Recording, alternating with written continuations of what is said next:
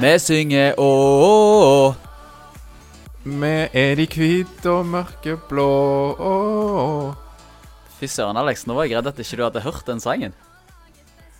Du tok så lang tid før du sang videre. Jeg ble litt usikker der. Men eh, ja, det er fin sang. Fin sang. Ja, Veldig fin sang, og det er jo vår eh, introsang nå på de siste episodene, så eh, veldig takknemlig for at vi får låne den nye vikingsangen, som for øvrig er den første vikingsangen med kvinnelig vokalist. Det er kult og på tide. Og i dag, når vi skriver 7. november 2021, så har Viking vunnet 1-0 på eh, Viking stadion. Det var dritnice. Hva tenker du, Alex? Det var bare at det var ikke på Viking stadion. Å nei, jeg hørte bare på Jeg hørte litt på radio, så jeg fikk inntrykk av at det var på Viking stadion. Er det kødd, eller hva er, hva er Nei, jeg bare, jeg bare tuller. Jeg syns Viking var så suverene på publikumsfronten, så jeg eh, Hvis du, hvis du Ja, hørte ok, kampen på radio, så fikk du inntrykk av at det var på, eh, på Vikingstadion. Ja, sorry, nå er jeg veldig treig her, men jeg, jeg, du var jo oppe i Brann eh, i Bergen, vet du, Torjer, og dekka den eh, Brann Viking, og da hadde ikke du fått med deg hvem som spilte og sånne ting, så nå tenkte jeg at du ikke hadde fått med deg hvor kampen i dag ble spilt. Men det var oi, altså oi. bortekamp på Konsto Arena. Men det hørtes ut som en hjemmekamp, er ditt poeng. Det var det jeg prøvde å si på en fiffig måte. Der spilte du meg eh, veldig god, så takk for det. Vær så god, vær så god. Men eh, ja, i hvert fall. eh, Rett skal være rett. Det var på Konsto Arena. Viking vinner 1-0 og slår grep om bronsemedaljen i Eliteserien. Har nå fire poeng ned til Rosenborg og Kristiansund, som ligger på 43 poeng. Og det smakte sykt deilig. Men det er kanskje en av de mest frustrerende vikingkampene jeg har sett, i hvert fall.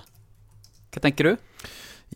Ja, jeg er enig. Det var en ganske frustrerende kamp. Eh, Samtidig så merker du at det er et litt likt kampbilde som det vi hadde hjemme mot eh, Sarpsborg.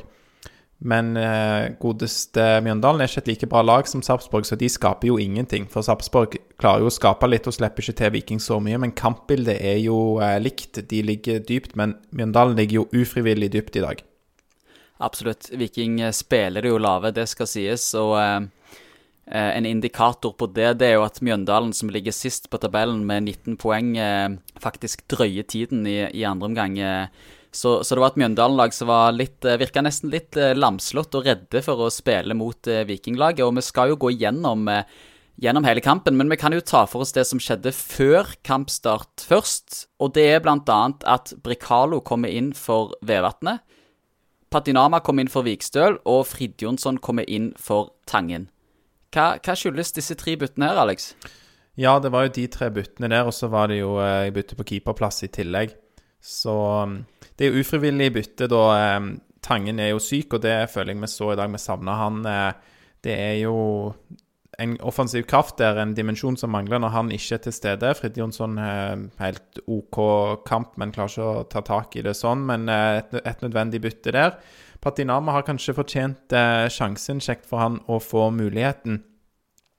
Eh, så er det jo kanskje naturlig dette byttet med Bricalo inn for eh, Vevatnet. Det var jo en skade som satte han eh, ut, og han har jo vist seg å være en eh, solid stopper i det som kanskje ikke er eh, Vevatnets beste sesong. Det har jo svikta i det kollektive defensivt, og da tar de disse grepene på stopperplass. Er Bricalo og Stensnes inn. Og så er det kanskje overraskende for mange da at Gunnarsson nå får eh, sjansen eh, istedenfor Arild Østbø. Men med fasit i hånd så var jo det et eh, fint bytte, det. Ja, absolutt. Han eh, spiller seg ikke ut av laget i dag eh, med det første Gunnarsson. Tenk å ha to så gode keepere som vi har nå i Viking. Begge leverer kamp etter kamp. Ja, det er jo kjempebra. Så får vi bare håpe at vi kan ha to gode keepere i lengden. For det er vel det som har vært noe av ankepunktet, da. Nå har Gunnarsson fått det ene røde kortet, og Arild Østbø har jo hatt mye stang ut, for å si det sånn. Men nå, de siste kampene, så har det sett veldig bra ut. Absolutt. Da kan vi gå til, til selve kampen, og vi kan starte med første omgang først. Er du fornøyd med Viking sitt grunnspill i dag, Aleksander? Ja, grunnspillet er jo veldig bra, men så er det vanskelig å bryte gjennom forsvarsmuren til Mjøndalen. Og ja, nevnte jo dette med savnet av kanskje Harald Nilsen Tangen, en som kan gjøre det lille ekstra. Som, eh, som driver fram med ball i beina òg eh, på den siste halvdelen, siste tredjedelen av eh, banen. For det er jo noe som ikke alle gjør. Du ser Slatko har en del inn i banen og har mye ball i beina i dag, mer enn kanskje vanlig. Men Men vi sliter jo med å skape det helt store, eller med å male og skape nok til å Hva skal jeg si eh, Kunne spille fem sånne kamper og vinne alle fem.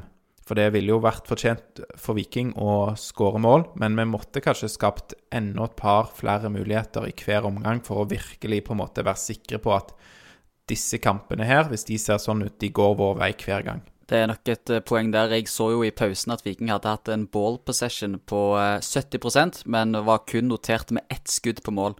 Så det vitner jo om at vi ikke har klart å skape all verdens av sånn helt store sjanser, i hvert fall i første omgang.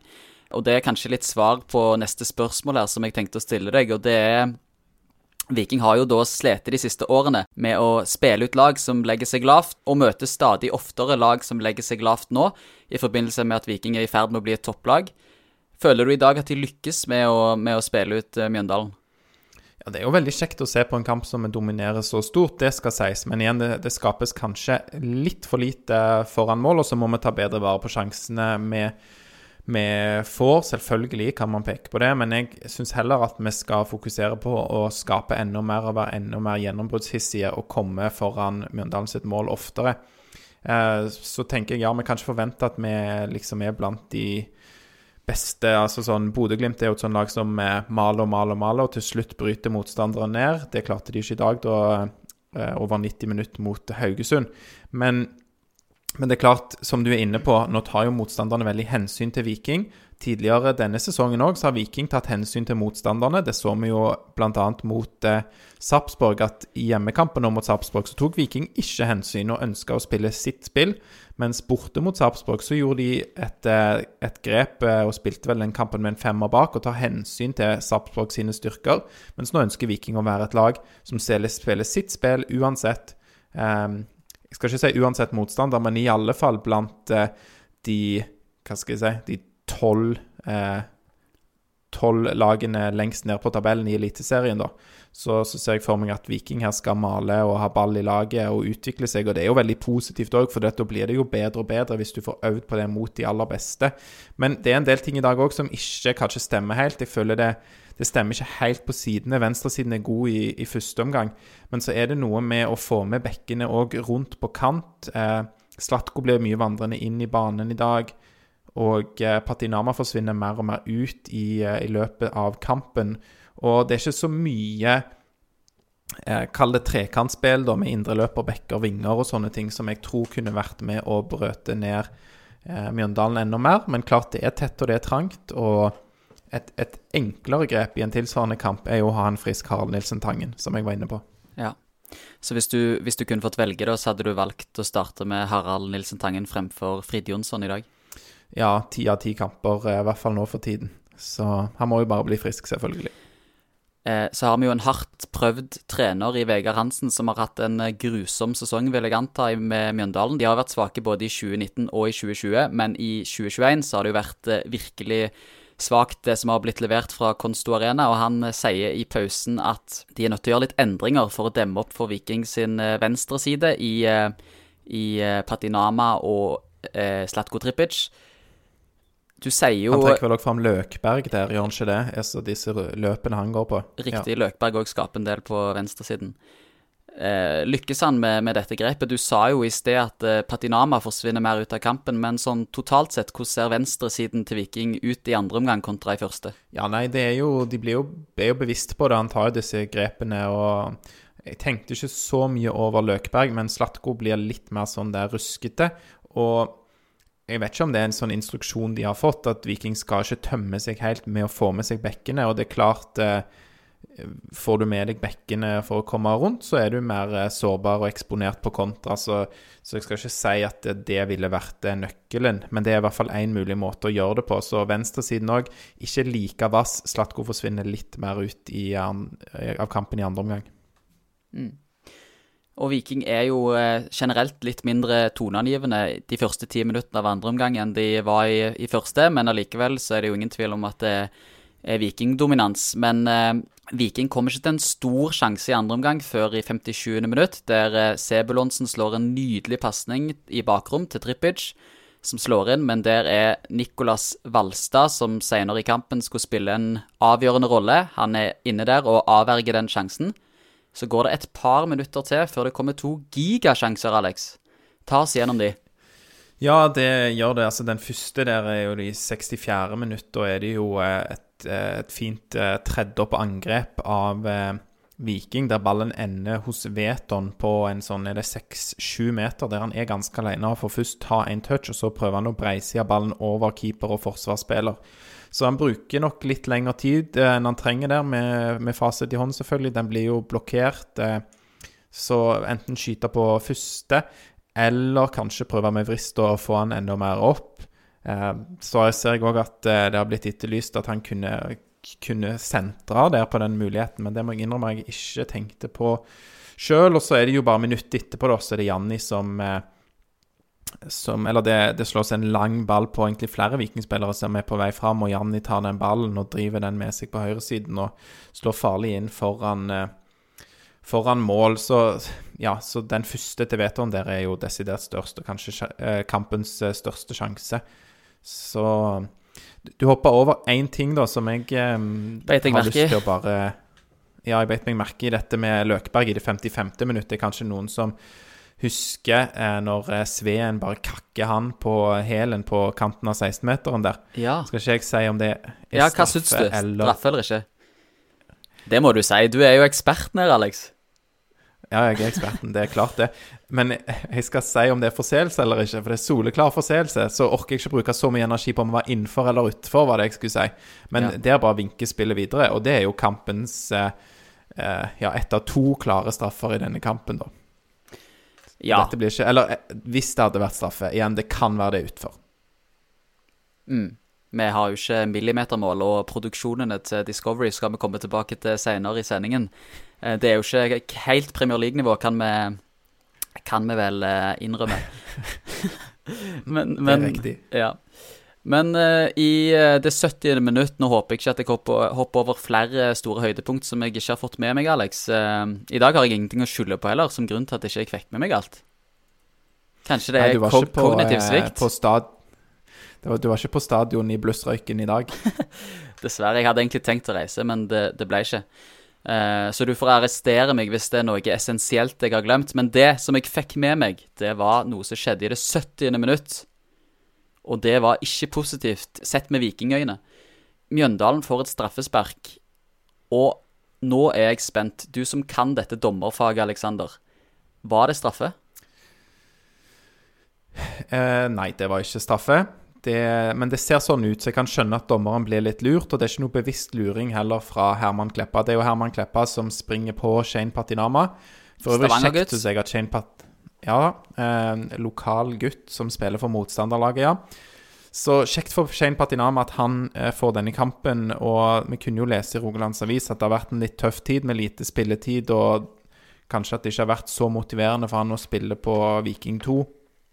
Så kjekt at han får den starten Nei, den, eh, den, starten i dag. Og da er det jo òg synd at eh, for en ung spiller, tenker jeg, eh, skulle gjerne sikkert vært foruten å ha laget dette straffesparket. Så utrolig bra at Gunnarsson redder, at Viking vinner, og det får ingen konsekvenser til slutt. Men det er jo ikke straffe, sånn som jeg ser, fordi ja, han Patinama skal liksom skjerme ballen og burde kanskje tatt før, ballen før han spratt inne i egen 16-meter. Så han står ut med armene. Men eh, det som skjer da, er jo at han har ballen Nei, han har armen i skulderhøyde, sin egen skulderhøyde, Shane Patinama. Så kommer Herman Kleppa, prøver å komme forbi, eh, og han springer på Shane Patinama sin arm. Og så idet han springer, så slår han armen opp i sitt eget ansikt. Så det er jo hans egen feil. Det er jo ikke noe bevisst for Herman Kleppa. Han får armen i ansiktet, og det er jo da naturlig å gå ned. Men der blir dommeren lurt, fordi den, den treffer han egentlig først i eh, brysthøyde. Så, så, det er Herman Kleppa sin egen feil. Eh, det er han som springer på armen til Shane Patinama. Eh, skulle aldri vært eh, straffe. Ser verre ut enn det er. Men ja, det ble jo uansett ikke tellende. og tar jo med oss et, en bom fra Christian Gauseth. Er ikke det bare litt uh, Din, Dinosauren sjøl? ja, han, ja, ja han, er, han, er, høyt oppe og høyt ute noen ganger, så da, da må han tåle disse òg. Jeg hørte Veton uh, sa på intervjuet etter kampen at det var to straffer som ble delt ut i dag. To straffeskyttere. Den ene kunne skyte straffer, den andre ikke. Derfor vinner Viking. Ja, i hvert fall, I hvert fall i dag var jo helt nydelig straffe av Veto når den kommer vi vel til. Men eh, var det Lars, eh, læreren fra Madla, som er ikke med oss i dag, som sier at han hadde en hypotese om at hvis Gauseth hadde satt straffen, så hadde Viking vunnet 3-1? Ja, jeg trodde jo det var du som hadde skrevet dette, så jeg må innrømme jeg skjønner ikke helt eh, Helt hva Nei, Det er vel sitat, sitat fra Lars. Han har ikke, han har ikke kvittert det sitatet her, men eh, det er vel òg fordi Viking er et godt lag på, på å hente opp, liksom. Ja, at Viking er god på å snu det, rett og slett, ja. Ja, Nei, eh, vi slapp heldigvis unna med skrekken. Vi har jo sluppet inn mål nok kamper denne sesongen, men dette er vel da tredje kamp vi holder nullen. Og fram til det var spilt 23 serierunder, så hadde vi ikke holdt nullen en eneste gang. Og nå har vi holdt nullen tre ganger. Ja, det høres eh, riktig ut. Ja, Det, det er jo veldig gøy, gøye tall, da. Ja, det, det er veldig sterkt, altså. Så, så det er nydelig, og det er jo Det hjelper jo med disse stopperne her som eh, vi har fått inn. Det er et løft. Det er bare å si det med Stensnes og Bricalo. Ja, absolutt. Absolutt. Andreas Halvorsen spør oss på Twitter. Hva syns dere om dagens dommer? Og til info for lytterne så kan jeg informere om at han heter Sigurd Smehus Kringstad. Og da spør jeg deg, Aleksander, hva syns du om dagens dommer? Er han bedre eller dårligere enn Kai Erik Steen?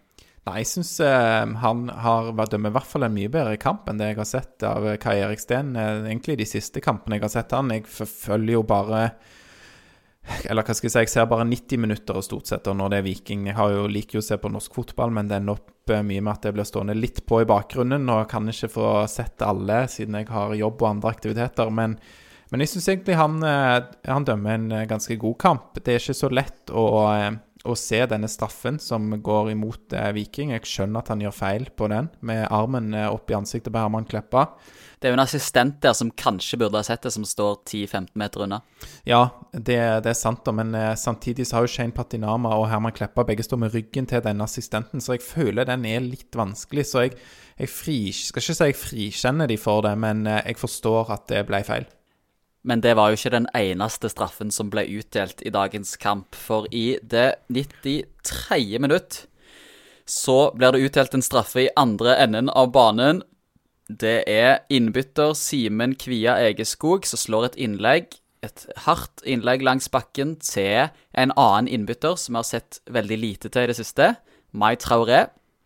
Han får til et godt skudd som ender i hånden eller i hodet til Nicolas Valstad. Ja, den ender i, i hodet eller hånden på Nicolas Valstad, ja. Og det er Først så ser det jo ut som det bare er hodet, men så er det jo de vinklene de velger å vise minst på Eurosport. Eh, de viser veldig Der er det veldig vanskelig å se om han faktisk treffer hånda. Men, eh, men det gjør han, og da er de jo eh, riktig dømt. S- og der er det masse forvirring, og det kan vi komme tilbake til. Jeg begynte jo da med denne situasjonen. Det skjer jo på overtid, og det er jo tre minutter ut i overtiden.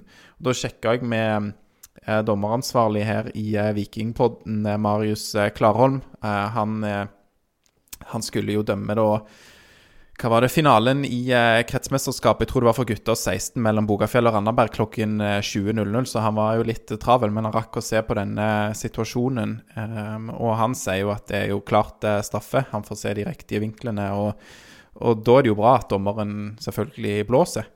Um, så, så her er det veldig mye greier, for vi ser jo òg eh, intervjuet med, med Valstad etterpå, at han står og sier at han treffer han clean i, i hodeballen. Men jeg føler jo han står der som en liten løgner, for han, han lyger ikke, men han sier ingenting om hvor ballen går etter han har vært i hodet. Det er, jo, det er jo umulig å se på de bildene Eurosport eh, disker opp med. Det går ikke an å se, rett og slett. Nei, men, eh, men det finnes jo andre vinkler da som de ikke har vist. Og om det var litt usikker egentlig på om det var, det var Ja. bare noen som hadde filma TV-en. Det tror jeg, som, eh, som, for de viste den, rekk, den beste vinkelen bare én gang. Så det er jo veldig synd. Så alle reprisevinklene er de mest tvetydige, og de som lager mest storm på sosiale medier og gjør best intervjuer. Så eh, merkelig, eh, merkelig grep der. En liten konspirasjonsteori fra meg her. Tror du det er en mening med at de viser, viser repriser fra dårlige vinkler for å skape litt blest, muligens? Ja, enten så har du rett, eller så er det bare at eh, produksjonen er jevnt over kjempedårlig. så, for det er, jo, det er jo produksjonen i dag. Det skal vi komme litt tilbake til. Men jeg vil bare si da, Viking får jo dette straffe. Eh, Maitar eh, skyter, den går i hodet og hånda på Valstad, og det gjør at det blir straffe. Og så ja, blir det jo selvfølgelig mye diskusjon etterpå. Men jeg eh, snakka jo med nevnte Marius Klarholm, og her er det veldig mange som er ute og mener mye. Og de sier jo, som ikke er dommere, eh, eller eh, fotballeksperter med egen podkast, sånn som oss eh, ja. og, og, de sier jo ja, nei, men den går jo via hodet i hånd, og da er det ikke hens.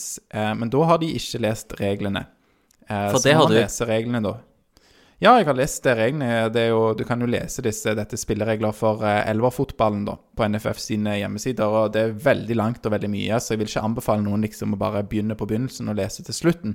For da husker du ikke så veldig mye. Men regel 12 heter jo feil og overtredelser. Og der står det bl.a. Uh, noen avsnitt om hands. Så her må man ta ting litt i rekkefølge, da. Og så Hvis folk skal synse på Twitter og andre sosiale medier, så må de jo gjerne gjøre det, men det er klart synsingen blir enda bedre hvis man faktisk leser reglene. Så det står bl.a. at spillere kan straffes for hands om de berører ballen ved at de har armer, hender over skulderhøyde, med mindre spilleren bevisst spiller ballen og den deretter berører armen, hånden. Så altså hender, armer over skulderhøyde. Hvis han treffer der, så kan de straffes for hands. Eh, så det er altså en viktig forskjell. Du er veldig høyt oppe med hendene dine. De blir truffet. Eh, da kan man blåse hands. Og så er det jo, som det står da her òg, viktig nyanse. Med mindre spilleren bevisst spiller ballen, og den deretter berører armen hånden. Det er altså fordi at hvis du prøver f.eks. å klarere, og med uhell skyter ballen opp i egen hånd, er det da hands, Torjer? Ja. Nei. det er det ikke. Så, nei. Så hvis du altså skyter Prøver å klarere, du spiller bevisst ballen, ja. og den deretter treffer din arm, så er det ikke hands. Men når eh, han eh, Valstad får ballen først i hodet og armen, er det da at han bevisst header i sin egen arm, eller han bevisst prøver å heade ut, og så treffer han eh, armen? Nei, han spiller ikke bevisst ballen. Nå lot du ikke meg svare denne gangen. Nei, for du svarte feil.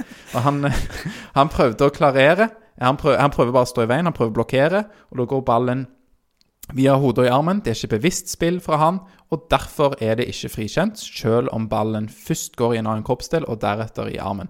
Så det er ganske enkelt. Og det står videre òg, eh, dette her, så det blir det ganske klart hvis man faktisk leser reglene. Det står bl.a.: Det er normalt ikke hands om ballen berører en spillers armer, hender, om ballen blir spilt direkte fra spillerens egen kropp. Eh, alle kroppsdeler unntatt armer og hender, står det jo. Selvfølgelig, hvis du slår ballen fra ei hånd til ei annen, så er det i hvert fall hens. Det er det de prøver å si der. Og så sier de òg hvis ballen ble spilt direkte fra spillerens egen kropp opp i arm, det er det samme de sier på ny, eh, men der er jo det viktige ordet at ballen ble spilt. Å blokkere er ikke det samme som å spille ball. Eh, og så er det samme at det ikke hens hvis armer og hender holdes nær kroppen og ikke gjør den unaturlig større. Eh, her blir, eh, i denne situasjonen blir kroppen unaturlig større igjen riktig å, eh, å, blåse. Det er så enkelt at ballen ble ikke bevisst spilt i sin egen arm.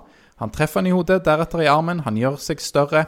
Eh, det er hands. Det er ti av ti hands. Kjempebra dømt. Eh, det blir så teit òg, både av Mjøndalen og Eurosport, å stå og prøve å fyre opp om at dette var feil. Riktignok kan det jo være at de reporterne til Eurosport heller ikke får se de riktige vinklene, så de òg blir lurt. Men men spilleren sjøl vet i alle fall at han har blitt truffet i hånda. Så nei, klink straffe. Eh, ja, litt dårlig intervju eller dårlig produksjon som gjør at Eurosport gjør et dårlig intervju og får helt feil fokus. Ja, jeg vil bare ta Valstad litt i forsvar her. For det er klart, det skuddet fra Mai Traoré er hardt og kommer Det er ikke mange meters eh, hold det kommer ifra, så det er ikke sikkert at han har helt klare erindringer eh, av at den ballen treffer hånden. Så det er ikke sikkert han vet dette her helt sjøl. Og når han får se de bildene fra Discovery, så ser det jo overhodet ikke ut som at ballen treffer hånden. Så jeg, eh, jeg syns ikke vi skal være altfor harde med han. Nei, men han sier vel heller ikke sånn. Han sier at han treffer han i hodet, og så sier han ikke noe mer. Han ja, men... si 'Den treffer meg i hodet, den treffer meg ikke i ja, armen'. Men stakkars Jeg tror ikke han avkrefter det. Nei, ja, men da. tenk på stakkars Vegard Hansen, altså. Det, ja, jeg, jeg, jeg, det ja, jeg er glad i Mjøndalen, jeg, altså. Fine, fin stadion og fine leiligheter. det er veldig bra at det er de tingene du trekker fram med den klubben. Fin stadion og fin, fin leiligheter. Nei, det, det, er i hvert fall innovativt og originalt med den stadion. Det skal de ha. Jeg har aldri sett det noe annet sted. Veldig vanskelig å utvide den stadion. Noe særlig, i hvert fall på noen av kantene der. Men nei, det, det som jeg kan si om Mjøndalen, jeg er jo enig, det er noe sjarmerende med den klubben. Eh, absolutt. Eh, men samtidig, det er litt som når Lillestrøm rykka ned da i, uh, i 2019. Hvis du holder på å spille sånn fotball som det Mjøndalen gjør, og skal være nede i sumpa der, så til slutt så går det ikke lenger. Du kan ikke holde på å spille sånn år etter år. Da rykker du ned. Ja. Og nå kommer de til å rykke ned. Det tror jeg dessverre du har rett i, og så tror jeg gjerne at vi er litt mette på Mjøndalen nå. Så hvis de kan få et par år i Obos, og Vegard Hansen kan diske opp med noe nytt og noe litt uh, mer sexy uh, når det kommer til det rent fotballfaglige, så takker vi for det, og da ønsker vi de velkommen tilbake. Så ser jeg her Ja. at, ja. ja. Jeg ville bare si at jeg gleder meg jo til å bytte ut Mjøndalen med Jerv. For et løft det blir med Jerv. Det blir uh... Tenker du da tenk, Tenker du da på fotballbanen eller på publikumssida? Nei, jeg vet ikke så mye om Jerv, men det er jo bare litt sånn ironisk, liksom, som du sier, at de har gått av et par år der nede. Men ja. Ja. Personlig håper jeg jo at eh, Åsane rykker opp fremfor, eh, fremfor noen andre lag fra Obos-ligaen, for da kan jeg få to eliteserielag rett rundt meg. 15 minutters distanse fra her jeg bor. Det får være greit for en som studerer i Bergen midlertidig og snart flytter hjem. Riktig. Eh, så ser jeg her at det står et spørsmål. Ikke feire slash juble for straffe. Ja, eh, jeg, spiller den tilbake til deg, Torjer. Hva syns du skal Mai Traoré er jo veldig glad når Viking får straffe her i 90 pluss 3 minutter. Mm. Ja, er det, er det Er det en greie at ikke det skal være lov å juble for straffe? Jeg har aldri hørt om Det det. er jo noen som mener at du ikke skal juble før straffen er satt i mål. ja, nei, vet du hva, altså, hadde noen jubla Hadde det vært Rosenborg som spilte mot Viking og fikk straffe i det 95. minutt, og eh, Rade Pritsch hadde jubla, så hadde jeg sikkert følt litt på det, men allikevel, det må være lov å juble. Altså, det er jo eh, Det er jo, det er jo kult. Det er kule scener. det er litt sånn med, med jinxing. Du tror ikke at du jinxer det litt, da? Å ja, det er sånn det er ment, ja. Ja, det er jo selvfølgelig en mulighet at eh, du kan jinxe hvis du jubler, ja. Eh, altså, ja, selvfølgelig, jeg ser den, men, eh, men eh, allikevel så syns jeg det skal være innafor å juble. Det er jo det er kule scener, og om så Veton hadde bomma, så er ikke det sånn at de jubelscenene blir verre av den grunn. Det, du får en stor mulighet til å skåre mål, og det bør du være glad for uansett, tenker jeg. Så det at spillerne viser følelser, er bare bra. Mm. Nei, jeg, er- jeg tenker òg det, og det er jo spesielt kanskje fordi det kommer fra Mai Taure, så har jeg veldig stor forståelse for det. Fordi det kan være han, eh, i likhet med Patinama, hadde sett for seg å få spille litt mer, i alle fall med tanke på alle minuttene han fikk i starten.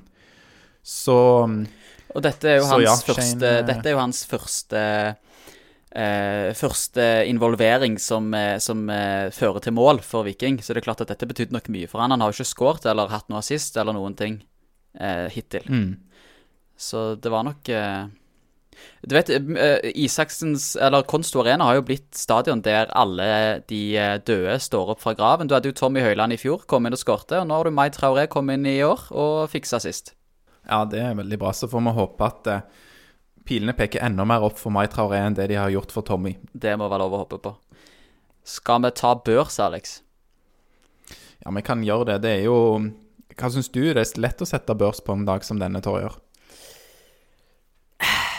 Det er i hvert fall det, Ja, eller ja, jeg vil si at det, det har vært kamper som har, har vært verre å sette børs på. Viking har eh, såpass eh, spillemessig dominans at det er veldig få som skal ned på de lavere karakterene i dag, og det er ingen som gjør seg bort.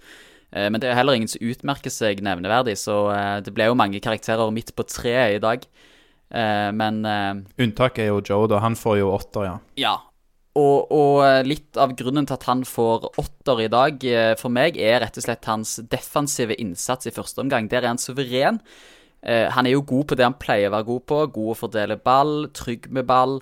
Har, som jeg har nevnt før, i 2021 blitt mye mer skapende offensivt enn han var i fjor. Men i tillegg så tar han defensivt ansvar i dag. På en måte som jeg ikke har sett av han, sett av han tidligere. Mulig han har gjort det tidvis, men i dag er det veldig markant. Spesielt i første omgang. eh, De gangene Mjøndalen kommer på farlige visitter, så er han der og rydder opp. Så nå leverer han både med ball og uten ball. Og eh, litt statistikk på Joe Bell. Han er den spilleren i dag som skaper flest sjanser ute på banen. Han skaper hele fem sjanser for Viking. Han vinner flest dueller. Han vinner hele syv dueller. Og i tillegg så får han flest frispark. Han blir altså tildelt fire frispark i dag. Så Joe Bell leverer, altså. Ja, det gjør han absolutt. Og det, jeg syns det er litt fint at uh, du har vært inne og sjekka statsen her. Fordi det er litt sånn usynlige bidrag noen ganger. Altså Man ser jo at han er mye på ball, men hvis man skal bedømme Joe Bell ut ifra alle på en måte mål- og målpoeng han får, så blir det kanskje ikke like mye. Han er, han er mye dypt i banen, han er mye på, på, siden. Han er vandrende. Han er gjerne den som uh, starter en, uh, en pasningsserie som ender i mål. så det er ja, det, det, det, er en suveren eh, innsats og ja, etablert seg på, på, dette nivået. Og dessverre kanskje litt for god for dette nivået. Dessverre. Det, det er lov å håpe at vi får, får beholde han eh, i 2022, men jeg har min tvil. Men hvis jeg skulle ønsket meg én julegave, så ville det vært at Joe Bell blir ut 2022, i hvert fall.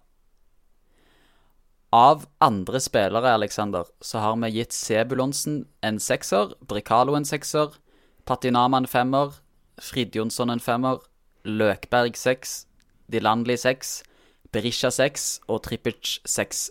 Så som jeg nevnte i sted, så er det mange som er ganske midt på skalaen i dag. Midt på skalaen pluss. Eh, jeg tenker vi kan ta tak i to spillere som fikk syv, altså Gunnarsson og Stensnes. Vi kan begynne med Stensnes.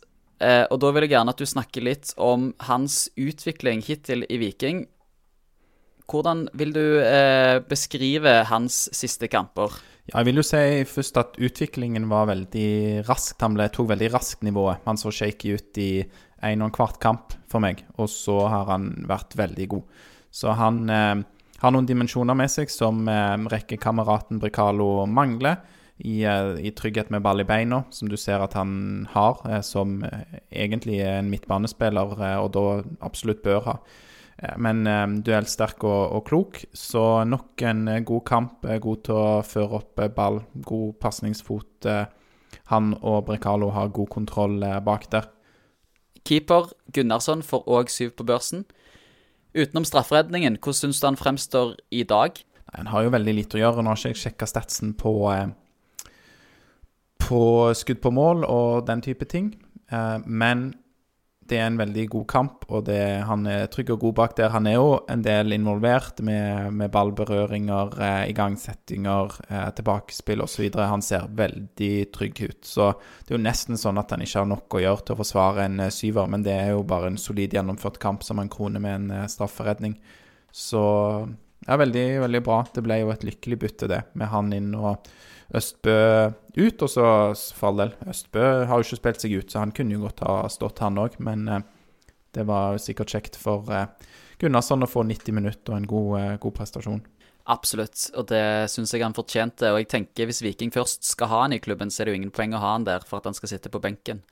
Så eh, lurt, lurt, å bruke han, og det tror jeg er nyttig i forhold til Brentford, som faktisk leier han ut. Eh, og jeg tror gjerne det har stått i kontrakten, uten at jeg har noe sikre kilder på dette, at eh, meningen er at han skal spille fast. Jeg regner ikke med de lånte han ut for at han skulle sitte på benken, så lurt med tanke på Brentford å la han spille litt, rett og slett. Ja, så skal vi ikke ta så mye hensyn til de, med mindre vi, vi må, men, men, det er sikkert en eller annen forståelse der av hva rollene er tenkt å ha. Og, men det er jo godt at, å se at uh, han ikke får noe klippekort selv om han er leid inn. Uh, hvis uh, andre keeper gjør det bedre, så er det jo godt at han får litt tid på, på, benken. Men det kan være det hensyn å ta der overfor Brentford. Det, det, er nok riktig. Jeg ville bare si en ting til òg med, med, spillere. da, altså Du har jo f.eks. Slatko, syns jeg var veldig god i første omgang i dag. Så faller han litt vekk, og så blir det litt feil. Og, men totalt sett en godt gjennomført kamp. Men skulle gjerne sett at de klarte å ta litt mer grep og variere litt mer på venstresiden. Um, og få med, få med sin, uh, ja, sin rekkekamerat på venstresiden der uh, Shane Patinama f.eks. i andre omgang. For det var litt det samme med Shane òg. Han hadde en ganske god førsteomgang, og så blir det litt mer ruskete. Selvfølgelig med den straffen, men òg kanskje først og fremst at han bare blir litt mindre involvert, som, som da gjør at de ikke tar uh, et, et knepp opp til på, på, børsen. Men kan jeg bare spørre, Torjer, med tanke på børs, da. Nå er det jo en eh, ja, godt gjennomført av 11 12-13-14 mann på Viking i dag. Godt av innbytterne òg. Men er det sånn at hvis Kristian Gauseth hadde satt dette straffesparket, og det ikke hadde blitt et straffe til Viking på tampen, hadde du ikke vært frista til å justere alle ned et hakk? Jo. Det er jo naturens orden, er- Alexander. Det er jo sånn det skal være. Altså, Fotball er en idrett der det er små tilfeldigheter som avgjør. Og hadde det blitt tap, så hadde de nok eh, sunket litt ned, uten at de Uten at de eh, nødvendigvis eh, derfor hadde spilt en dårligere kamp. Men det er sånn, sånn fungerer mekanismen, i hvert fall når jeg setter børs. Og jeg ser ingen svakheter med det. Nei, ikke i det hele tatt. Nei, jeg bare or, Jeg syns det er så vanskelig noen ganger, for det, det er klart Viking er veldig bra i dag. De har veldig god kontroll. Men så er det dette Hvordan skal en på en måte premiere en sånn en kamp der man ikke egentlig er vasse nok, og man får ikke ballen i mål, men man er gode, man bare skaper ikke nok sjanser. Så ja, nei, det er litt som du innrømmer her. Målet preger børs, og dette er en lykkelig slutt, så det er kanskje greit. Det, det tenker jeg vi, får si. Og så tenk, tror jeg hvis jeg skulle revurdert noe på børsen i dag, så måtte nok det vært noen i den offensive trioen. Kanskje f.eks. Veton Berisha. Han er som alltid god, men eh, nå ender han jo opp med å skåre på et straffespark. Men han brenner jo òg en stor sjanse i dag. Så hvis det er noen jeg skulle ha trukket, så måtte det gjerne vært noen foran der som ikke er spisse nok de gangene de får muligheten. Ja, det er jo Lars Læreren fra Madla igjen som ikke er med oss. Han, eh, han mener jo òg at nå er det på tide å se et mål fra, fra Janni. Eh, det har vært en del eh, forspilte sjanser. Han spiller bra, og det er godt at han har den plassen. Han har gjort seg fortjent til den vingplassen. Men jeg må gjerne putte noen mål snart, Janni. Observasjoner, Alex. God fotballåt i pausen. 'Waiting on the World to Change' av John Mayer. Den ble spilt på Konst Ja. Arena i pausen i dag. Er det en god fotballåt? Nei, jeg syns ikke det. Jeg, eh, det, jeg bare beit meg merke i det, for det er noen som har vært så kritiske til eh, Eller kritiske, men kanskje ikke. Men i hvert fall eh, satt spørsmålstegn ved bruken av Sweet Caroline på Vikingstadion, f.eks. Eh, så jeg vet ikke om de, Den er bedre. de pleier å spille Ja, den er mye bedre. Den er jo Altså, du, Hordene Felt O synger jo med på den, eh, selv om eh, sikkert ikke alle er så begeistra for at de, de eh, spiller den. Men eh, når du da kommer litt til sånn slow eh, John Mayer Det er jo nesten en bønn, kanskje, fra Mjøndalen. Jeg lurer på om de har, har de, er det sånn de har den på slutten av hver eh, sesong at liksom Nå må dette ta slutt, nå må verden forandre seg litt. Det er bare litt pussig at de ikke kan, kan velge noe annen musikk enn den 'Waiting on the World to Change' av, av han. Men ja, nei, det, er bare noe jeg stusser på. Du vet, Jeg sitter jo der i leiligheten min eh, på Konsto stort sett og, og hører musikken de spiller, så Ja, det gjør det, ja. Ja, nei, jeg, jeg, jeg frykter at ikke det er lagt så mye tanke, tanker bak valget at det rett og slett er noe som bare går på uten at de har reflektert særlig over det, Alexander. Så jeg eh, tror ikke jeg tror ikke de gjerne er så obs på hva de setter på sjøl. Men eh, hadde jeg vært speaker, så hadde jeg heller satt på Viking er tilbake, eller en litt bedre sang. Det, du blir sikkert leid inn som speaker på Konsto Arena ganske snart. En annen ting. Strålende, ly strålende lyd fra tilreisende igjen.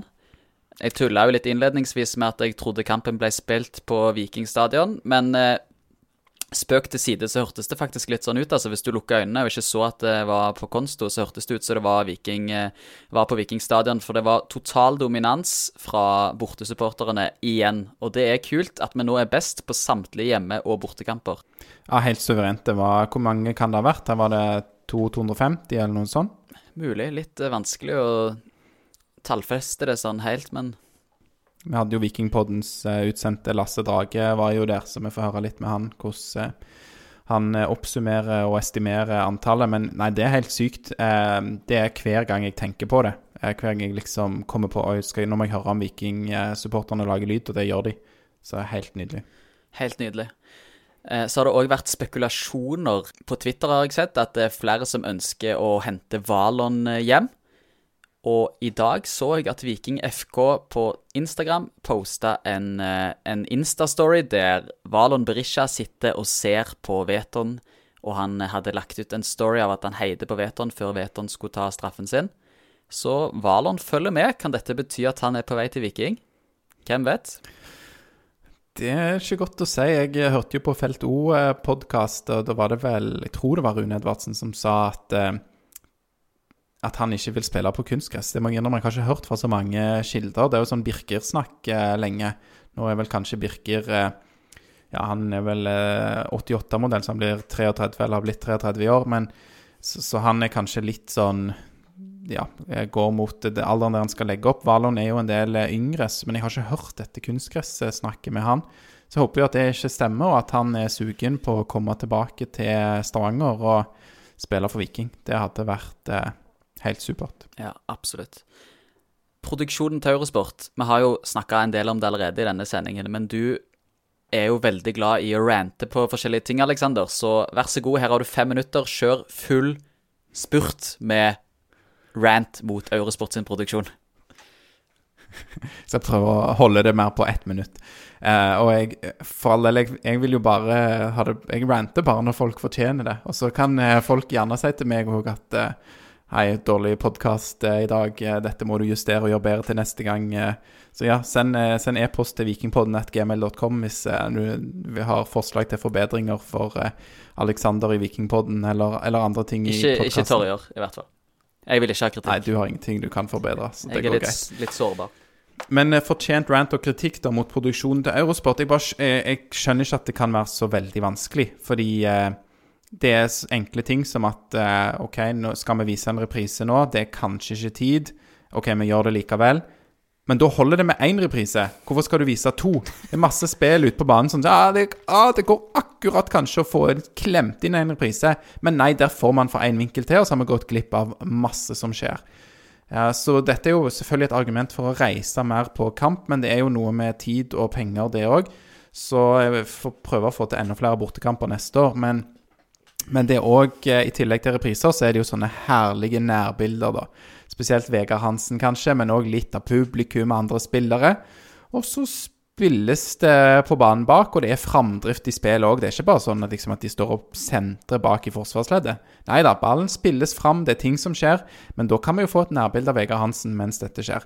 Så jeg, jeg, bare lurer på de som produserer dette, om de ikke ser fotball sjøl. Ser de ikke hvordan de gjør dette i de større ligaene? Eh, hvordan de gjør det. Det er sikkert noen i Norge som kan det òg, og hovedkampene produseres nok bedre. Men jeg bare lurer på om det er av og til at man vil litt for mye, liksom man, det er jo kjekt å, å, gjøre litt, ikke bare sitte der og vise den ene vinkelen. Så vær så snill, prøv å lære da av de som er litt bedre. Så får vi som ikke har reist på bortekamp, se det som skjer på banen, ikke ansiktene til treneren og andre. Vi er jo glad i å sende inn spørsmål til Indre Bane og Gunhild Toldnes. Hvis du kritiserer Eurosport altfor mye nå, Alex, så risikerer vi at ikke hun svarer oss lenger. Ja, men jeg prøver å være forsiktig med det. Og rett, hvis jeg har noen kritikk til indre bane, så skal det gå spesifikt på indre bane. Eh, så der er jeg veldig grei. Det eneste jeg tror jeg, eneste jeg har kritisert de for, er eh, dette med Dårlig lyd. Nok, eh, ja, ikke har god nok lyd. Altså, De har ikke nok gain. Jeg har foreslått at du må sette på gain og limiter på podkasten deres, sånn at det ikke er Du må skru opp volumet på 95% for å høre hva Spesielt Joakim Jonsson, da, som ikke er så god på mikrofonteknikken, tror jeg, eh, hva han sier. Så, så det er en, enkle grep. Enkle grep. Videre til noe som er mer interessant for folk som er glad i fotballklubben fra Eiganes. Jentene til Viking spilte første kvalikrunde mot Grand Bodø i går på SR Bank Arena, og du var der, Alex. Var det en kjekk affære? Ja, det begynte i hvert fall veldig bra, og Viking er jo utrolig god i, uh, i banespill og har veldig mye ball. Så er det dette med Vi så det litt mot uh, Bryne, den forrige hjemmekampen deres òg. Uh, at det er, trenger nok å bli litt hvassere foran mål. Og så er det klart, de er jo unge. De eldste på dette vikinglaget er jo født i 2001. Sånn at eh, det er et eh, ungt lag, og kanskje skulle de hatt eh, noen år på å bygge litt muskler og få på plass litt duellkraft. For det ja, Jeg husker ikke om du nevnte resultatet, men det ble jo 2-2. Og de hadde Gran Bodø, da, som de spilte mot, har jo litt mer sånne krigertyper. Heldigvis så var det ikke så mye på en måte langpasninger og sånne ting som Gran Bodø kom med ja, kanskje de første 60-70 minuttene. Sånn at eh, for der var de sterke. De hadde noen høye spillere og eh, farlige på corner og sånne ting, eh, Gran Bodø. Så eh, Viking klarte å få kampen litt inn i sitt spor. Eh, klarte ikke få helt eh, Hva skal jeg si? De fikk jo hull på byllen, men det, det, det rant ikke inn med mål. og det, Vi skulle helst ha vunnet denne kampen, selvfølgelig, men viktig med den uavgjorte. Så ja, så bra, veldig bra levert av jentene, selv om eh, Gran Bodø utligna ganske på tampen. Og det var nok litt skuffende, for de skulle jo selvfølgelig hatt med seg denne seieren. Men det som er veldig spesielt, i hvert fall nå, det er jo det at nå er det til helga allerede. Um, usikker på om kampen er beramma. De er jo veldig glad i å beramme disse kampene skamseint, NFF, sånn at ingen vet egentlig når den kampen skal gå. Uh, mulig noen vet det, men de har ikke publisert det på NFF sine hjemmesider, i alle fall. Men det som er spesielt, er at Viking skal jo nå da møte Odd til helga. Og dette er et Odd-lag som ikke kan kvalifisere seg lenger. De har ingenting å spille for. Og da er det rett og slett sånn at uh, i denne opprykkspuljen med Gran Bodø, Viking og Odd, så leder Gran Bodø med fire poeng, og Viking har ett. Men Gran Bodø er ferdigspilt. De har spilt to av to kamper. Viking har sin siste kamp igjen mot Odd, og trenger da bare å vinne. Jeg sier bare, men det er jo klart det skal jo spilles den kampen, og de må vinne med tre eller flere mål. Så vinner de oppbrukspuljen. Så det må jo bare gå veien. altså Krysse fingrene og banke bordet. Og så er det jo litt eh, Det er jo spesielt, da, at eh, Odd vet at denne kampen betyr ingenting for dem, men den skal spille, spilles likevel. Eh, så kan du jo si hvis eh, hvis de har noen småskada spillere, så er det ikke sikkert de hiver ut på de i en kamp uten betydning. Eh, hvis noen spillere skal i bursdag eh, i Ja, jeg vet ikke, jeg. I Porsgrunn eller noe sånt. Så en bursdagsfest i Porsgrunn. Kanskje det er et par spillere for Odd som uteblir. Nei, det er bare veldig rart. Men uh, dette gikk jo mot Viking i 2019, i opprykksserien da. Uh, da kvinnelaget tapte på målforskjell og ikke rykka opp. Og, så da var det Frigg som hadde fordel av dette i den opprykksserien. Og nå har Viking fordel av dette i år, men det er jo en kamp som skal spilles. Og Odd er et godt lag, tapte bare 2-0 mot eh, Gran Bodø, så veldig nervøs for den, altså. Det, det blir så viktig. Jeg håper virkelig at det kan lykkes for jentene som eh, spiller for vår fantastiske klubb. Det hadde vært deilig å få de opp til Hvis de rykker opp, så kommer de til nivå to. Altså kvinnenes Obos-liga. Ja. ja. Det er, og det, det, er, det er jo skamkjekt for de, og, men jeg tror òg det er viktig for klubben eh, og for byen å ha et solid dame- og herrelag. Utrolig viktig. Eh, så det Nei, jeg var skamnervøs før, eh, før, kampen i går, så nå det er bare viktige kamper framover. Hm. Skal vi gi oss? Jeg tror det er på tide.